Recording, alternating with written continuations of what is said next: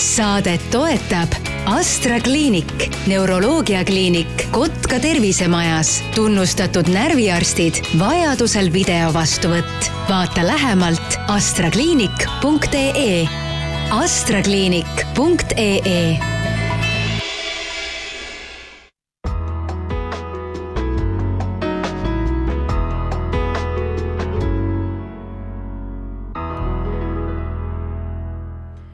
tervist teile, head kuulajad!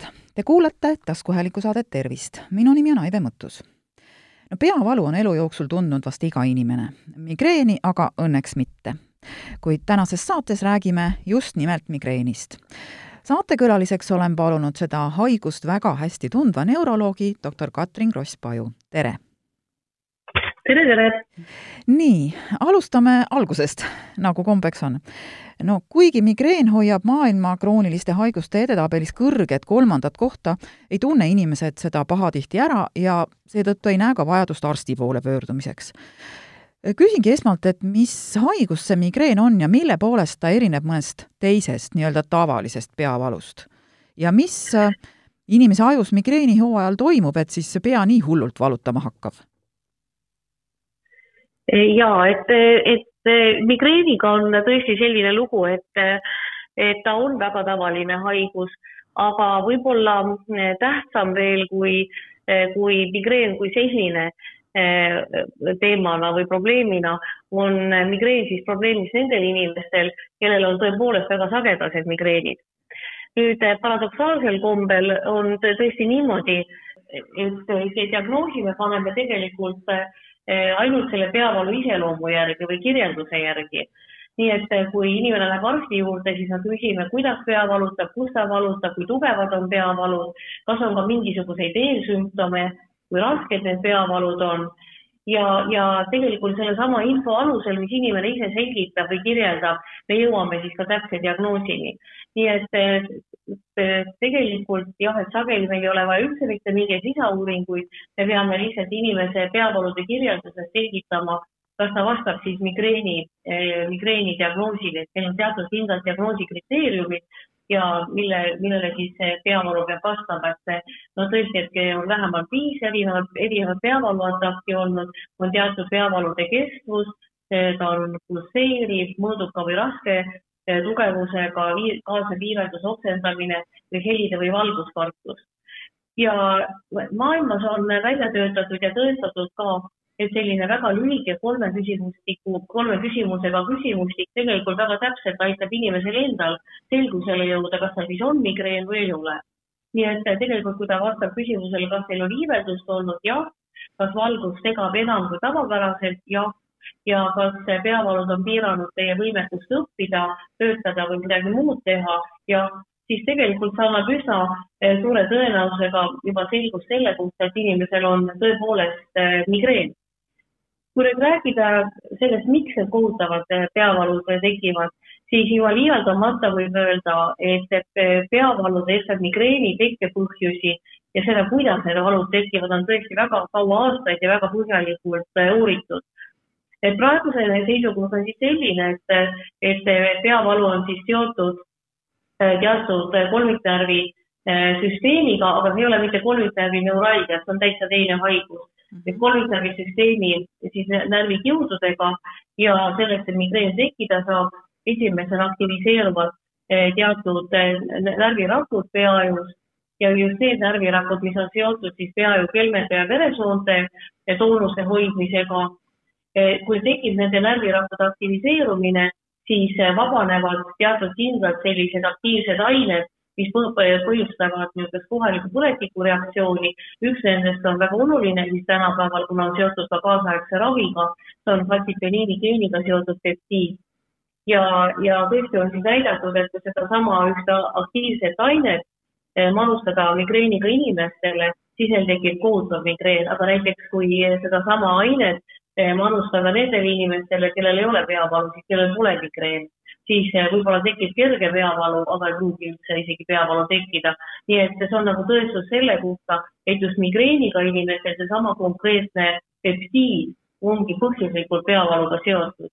ja edasi, kui see protsess on käima lükatud, siis järjest hakkavad aktiveeruma teised-kolmandad neuronid, nii et ühel, ühel hetkel jõuab valu ka peajukoorde. Aga miks see kõik tekib, et seda tegelikult äh, väga kindlalt ei oska keegi öelda. et äh, ikkagi ongi nagu kaks äh, niisugust teooriat, üks arvamus on see, et ikkagi needsamad perifeersed neuronid, mis on pea ja veresoonte ümber, on need, kus see, kus see valu või kus see protsess algab aga teine konkureeriv arvamus on ka, et see algus on ikkagi seotud peaju, tüve ja keskaju närvirakkudega. aga see on võib-olla noh, natukene võib-olla liiga selline nagu peene, peeneks eh, nagu minemine. no ja ilmselt äh, inimest, kellel pea hullult valutab, ei tegelikult võib-olla nii peen asi ei huvitagi, ta tahab oma peavalust lahti saada. no migreeniga. jaa, aga siiski, et jaa, aga siiski, et ma arvan, et see siiski on ka oluline teada et me tegelikult eh, mõistame mm, -hmm. mis protsess toimub ja antud juhul ka, et see teaduse areng on kaasa toonud ka väga konkreetsed arengud ravis mm. -hmm. aga eh, sageli räägitakse migreeniga seoses ka aurast või auradest, mis need on? ja see on, see on väga oluline küsimus, et aurad on siis teatud neuroloogilised sümptomid, mis tekivad vahetult enne migreeni hoogu ja see on seotud siis mitte sellega, et tekivad pea- ja vereringe häired, vaid sellega, et tekib selline teatud peaaegu koore, eh, koore niisugune leviv, noh, depressioon, et teisisõnu, et teatud pea- ja koorerakud jäävad magama. ja kõige tundlikumad on eh, tegelikult nägemiskeskused ja seetõttu väga paljud aurad on just seotud nägemishäiretega, kas tekib virvendus silmade ette või tekib niisugune moonutatud kujutlus nagu vesi valguks mööda aknaklaasi alla või tekivad ka täitsa augud vaatevälja mm. -hmm. aga veel enne seda, kui, kui me nende aurasümp- ja sellele järgneb siis peavalu, aga veel enne, kui me nende aurasümptomiteni jõuame, eh, siis ma arvan, et on tähtis ka teada seda, et sellele veel enne, umbes kakskümmend neli tundi eelneb see niinimetatud prodroom. ja, ja prodroom on selline imelik äh, spetsiifiline olukord kui inimesel võivad tekkida mingisugune, kas mingi haigutamine või mingi, mingi muu sümptom või mingi isu nii-öelda mingi söögi või joogi järele. ja arvatakse ka, et vahet, vahetevahel inimesed tunnevad ka, et kaelalihased muutuvad kangeks, aga see ei ole mitte sellepärast, et kaelalihased ei muutu kangeks mitte sellepärast, et see migreen on seotud kaelalihaste kangusega, vaid, vaid see on lihtsalt niisugune viide sellele, et järgmise kahekümne nelja tunni jooksul hakkab, algab migreen ja arvatakse ka, et kui inimene nagu mõistab seda prodruumi tunneb selle ära, et ta natuke rohkem oma, oma, oma elu peremees. ja selle prodruumiga, mis, mis on ka väga oluline ja ma arvan, et väga-väga palju segadust ja ka eksiarvamusi külvab, on siis küsimus, et kas meil on mingisugused provotseerivad faktorid, millega me, millega siis migreeniga inimesed saavad või, või aeg-ajalt provotseerivad oma migreeniatakke ja sellised tavapärased provotseerivad faktorid on magamatus, stresssituatsioon, eh, mitte söömine, aga aeg-ajalt ka teatud toidud, noh, võib-olla ka teatud võib-olla joogid, võib-olla aeg-ajalt räägitakse näiteks punasest veinist või Hiina toidust. aga tuleb öelda, et, et väga paljud nendest tähelepanekutest on, noh, nagu meie ütleme, retrospektiivsed, tegelikult inimene mäletab seda, mis juhtus vahetult enne seda, kui see kole peavalu tal üldse tuli aga kui korjata neid, neid andmeid võib-olla noh, väga kiiresti pärast migreeni atake ühelt poolt ja veelgi enam, kui on proovitud neid migreene provotseerida, siis nende nii-öelda provotseerivate faktorite abil mm, -hmm. et anda inimesele süüa või juua midagi sellist, mida ta ise peab provotseerivaks faktoriks. siis on välja tulnud, et enamasti nad tegelikult peavalu ei provotseeri. ja see on lihtsalt niisugune väike detail, et mm -hmm. alati ei pea võib-olla kõigest, kõigest loobuma ja lisaks kiire märkus siis selle kohta, et meil on välja töötatud ka inimestele endale nende visuaalsete aurade muutmiseks täpselt samasugused tabelid täpselt samasugune küsimustik, nagu me enne migreeni korral mm -hmm. rääkisime, et tegelikult saab iseennast ka natuke diagnoosida. no jaa, aga on üldiselt on ju noh, arvatakse, et naistel valutab pea sagedamini kui meestel. kas see peab paika ka migreeni puhul, kas migreeni esineb naistel rohkem kui meestel? no oluliselt rohkem jah, kolm-neli korda vähemalt rohkem ja, ja kõikides migreeni eripärades, et nii episoodilise migreeni kui sellise kroonilise migreeni osas, et igal juhul on naistel võib-olla neli korda rohkem migreene kui meestel. aga teisest küljest on, on see kaasa toonud ka no natukese võib-olla sellise valearvamuse, et meestel see ei ole probleem, et on küll, et meestel esineb migreeni harvemini, aga kui mehel on migreen, on temal täpselt sama valus, täpselt sama paljude sümptomitega ja ka teatud määral sama eh, noh, pikemas perspektiivis on ka suurem igasugustel südame-veresoonkonna haigustele, täpselt nii nagu naistelgi. nii et jah, naistel on migreeni sagedamini, aga meestel, kui ta juba on, on sama raske haigus. aga kas vanusest ka midagi sõltub? Ehm, noorus, noortel, vanadel, kellel rohkem on? ja me üldiselt räägime alati seda, et et migreen on pigem noorema hea haigus, aga tegelikult võib migreen tekkida ükskõik mis vanuses ja kindlasti ei maksa unustada, et migreen on ju teatavasti selline, mis võib oma iseloomu muuta, eriti naistel, eh, kui eh, naistel menopausi ajal, kus eh, migreen võib muuta oma, oma peamisi sümptome, oma kaasuvaid sümptome, nii et, et seda peab meeles pidama. aga kui nagu statistikat vaadata, siis tõesti, et naistel on kõige rohkem migreeni siis üheksateistkümnendast kuni neljakümne üheksanda eluaastani ja no meestel jääb võib-olla see kõige suurem migreeni levimus kuskile seal kolmekümnenda ja viiekümne üheksanda eluaasta vahele no arstiteaduses on üldiselt selline lihtne printsiip minu meelest, et kui haiguse põhjus on teada, siis teatakse ka, kuidas seda ravida väga täpselt. aga te just enne ütlesite, et migreeni puhul on selle põhjusega natukene keeruline, ühese ja otsese põhjusega. kuidas migreeni ravitakse ja kas seda üldse on võimalik ravida? ja, et tegelikult see ei ole päris täpne, et meil on väga palju haigusi, kus me ülitäpselt teame põhjust, et eeskätt näiteks geneetilised ja pärilikud haigused, kus me ülitäpselt teame, millise geeni muutus on, kuidas ta on muutunud ja mis tagajärjed sellel on, aga sellest hoolimata pole ja. mitte mingisugust ravi. just, ravida ei saa. aga põhiline, kuidas me ravile, ravi avastame või ravile juurde, ravi juurde jõuame, on ikkagi selle haiguskulu või nagu meie ütleme, patogeneesi tundmine, me teame, mis juhtub ja mis põhjustab mida nagu ka siis antud juhul siis migreeniravis. aga migreeniravis ja, et ta on siis tegelikult ravi jaguneb kaheks, üks on see niinimetatud kooravi, et kindlasti väga oluline äh, kõige tähtsam tarkus äh, migreeniataki ravis on siis õigeaegne, täpsemalt siis varajane raviga alustamine ja siinkohal tahaks kindlasti südamele panna lähedastele, kelle, kelle lähedasel see migreen on, et, et kindlasti, et kui siis migreeniga inimene haarab tablettide järele kohe, nii kui ta tunneb, et kuskilt on midagi valesti, et see kindlasti ei tähenda seda, et ta tahab ennast üle ravida või tahab kogu aeg tablette võtta. et see lihtsalt ongi õige ja teaduslikult põhjendatud, et kui juba tekib selline tunne, et nüüd algab migreeniatakk, siis ta ka algab ja varajane ravi on see, mis kõige rohkem mõjutab ravi efektiivsust, nii et ükskõik kui tugevat ravi me ei tee nii-öelda hilja, see ravi pole ealeski nii efektiivne nagu varajane ravi. Kas see tähendab seda, ma korraks küsin vahele, kas see tähendab seda, et sellepärast ongi oluline, et inimesed tunneks ära prodroomi ja tunneks ära aura, et nad siis juba saaks äh, hakata ravima? Või no, see pole seoses? ja seda ka, aga prodroomi osa siiski, et pigem see prodroomi äratundmine annab natuke rohkem inimesele nagu võimu oma, e-, oma elu üle. et me kõik teame, et eh, migreenid kipuvad sageli olema nädalavahetusel, näiteks laupäeval ja noh, nagu piltlikult öeldes ka, et perekond seal võib-olla planeerib mingit pidulikku väljasõitu või seal suguvõsale külla minekut ja siis meie migreeniga patsient on pikali, oksendab. et eh, noh, siis vahel võib-olla perele tundub ka, et ta meelega teeb seda mm, -hmm. eks ju eriti veel, kui see on üks laupäev, kaks laupäeva, kolm laupäeva järjest. aga, aga põhimõtteliselt eh, jah, ja see ja seda muidugi ka, et siis teatud juhtudel näiteks kui prodroomile järgneb öinev migreen, kui juba öösel hakkab pea valutama, siis muidugi võivad, võib esimesed tabletid juba õhtul sisse võtta mm. -hmm. aga tavalised ravimid on üsna tavalised, mitmesteroidsed põletikuvastased ravimid, noh ibuprofeen mm, -hmm. klassikaline näide, aga võib kasutada ka paratsetamooli ja tänapäeval me soovitame ikkagi lisada ka siis mingit oksendamisvastast ravimit, et näiteks see metoproplamiid näiteks, et sellel on ka valuvastane toime, mitte ainult iiveldusvastane toime.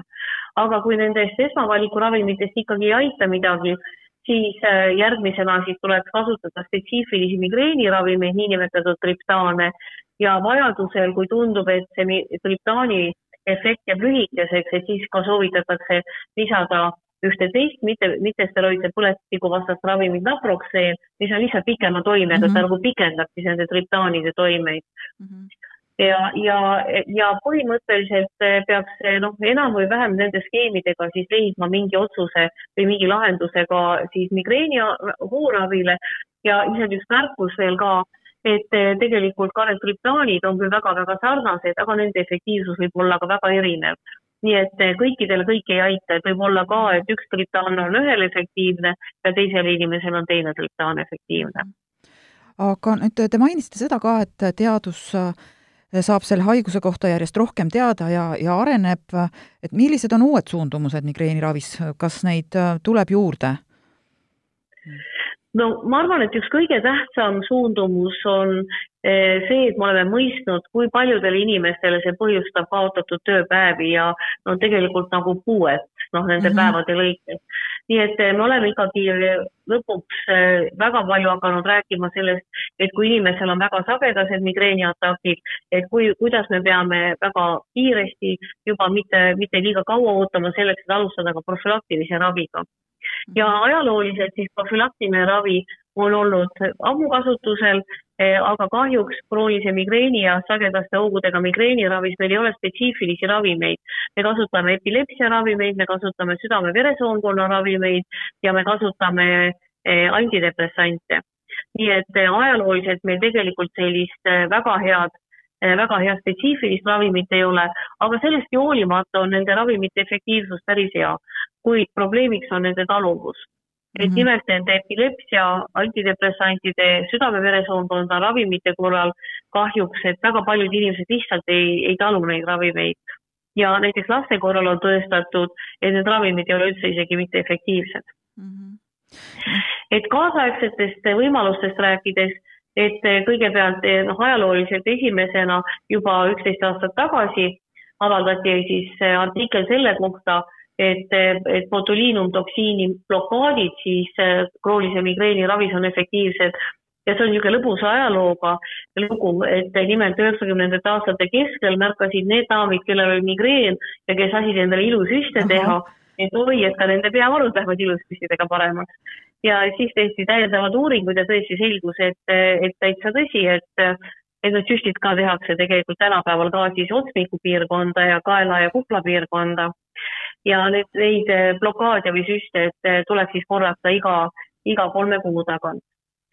siis teine uuem variant on neuromodulatsioon, on siis spetsiifiline aparaat, nimetatakse tsefaliks, mis pannakse otsa ette ja millel on siis kaks programmi, üks on igapäevane kahekümneminutiline profülaktikaprogramm ja teine on siis ühetunnine programm, millega, mida saab kasutada siis, kui see migreeniatakk parasjagu no, on peale tulnud, et pea valutab ja, ja võibki öelda, et, et selle tsefali efektiivsus eh, noh, ei ole kindlasti mitte nii hea, kui on nendel tablettidel, aga sellesama tsefali ja neuromodulatsiooni suureks eeliseks on see, et seal peaaegu ei ole kõrvaltoimeid. nii et kui inimene seda teatud suru, suristamist otsa ees kannatab, siis muid kõrvaltoimeid tegelikult üldse ei olegi ja seetõttu no, Ameerika kolleegid näiteks soovitavad ka, et kuna lastel meil ei ole neid tablette, mida me kasutada üldse saame, kuna ei pole tabletid efektiivsed, siis nemad eh, näiteks just noortel eh, tüdrukutel, poistel just soovitavad kasutada näiteks neuromodulatsiooni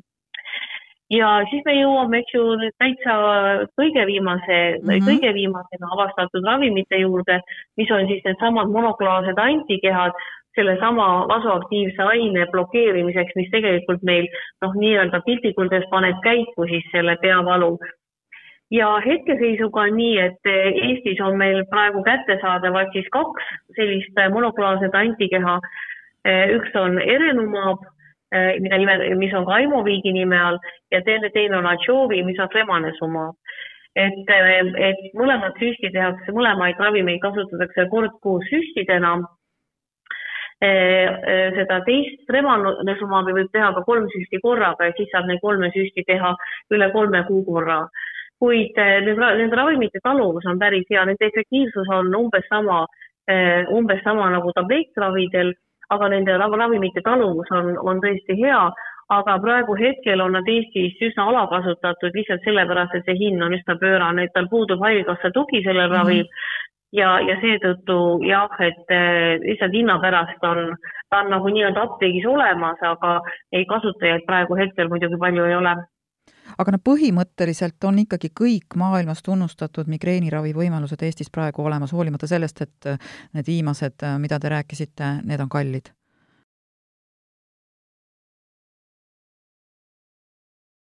Jah, et paradoksaalsel kombel on tõesti järjest kättesaadavad meil kõik äh, uued ravimeetodid, nii botoksi blokaadid kui tsefaliaparaat kui, äh, kui ka monoklaalsete antikehade süstid. Äh, aga jah, et neil hetkeseisuga enamasti puudub haigekassa soodustus, siis probleemiks on kujunenud tavaliste peavalu hooravimite kättesaadavus.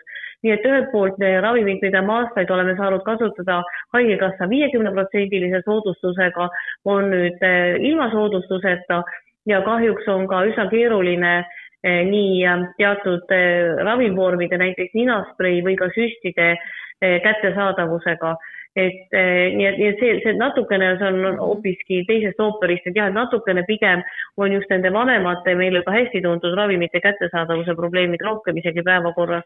aga loomulikult eh, me ikka loomulikult ootame ja loodame, et eh, võib-olla ka Haigekassa siis teatud tingimustel noh, tulevikus, et ta näeb võimalusi, et neid ka neid kaasaegseid moodsaid ravimeid on võimalik kompenseerida no ma, mina loodan ka seda, aga nüüd, kui tõesti inimene peaks äh, arsti poole pöörduma oma, oma migreeniga, kui ta kahtlustab endal migreeni, siis kas äh, ta peaks esmalt minema perearsti juurde või püüdma kohe neuroloogi juurde tulla, kuidas selle asjaga on?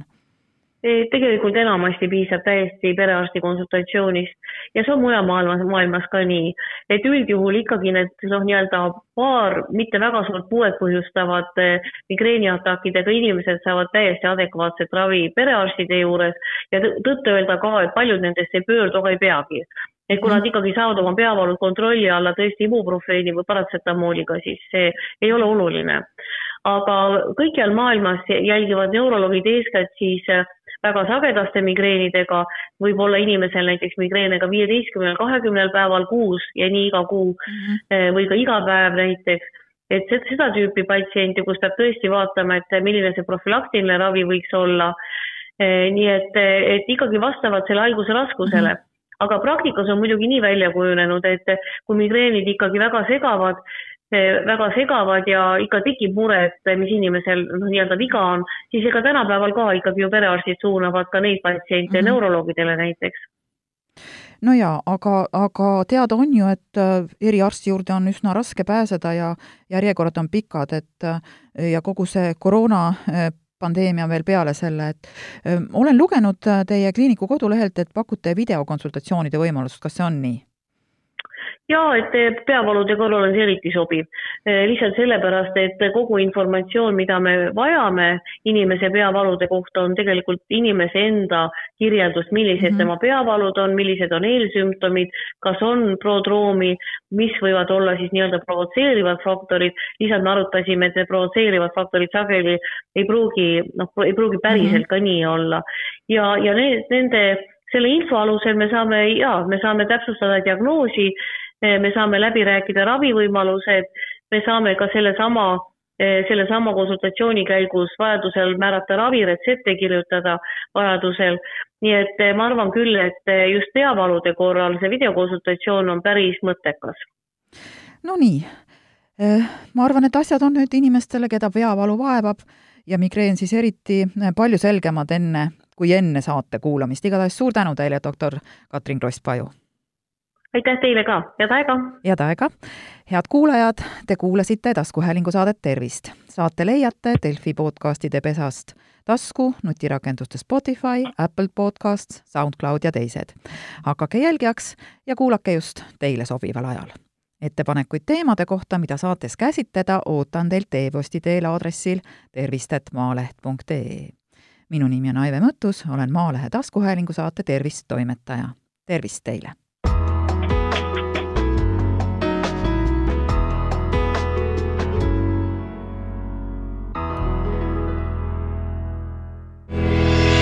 Saadet toetab Astra kliinik, neuroloogiakliinik Kotka tervisemajas, tunnustatud närviarstid, vajadusel video vastuvõtt. vaata lähemalt astrakliinik.ee. astrakliinik.ee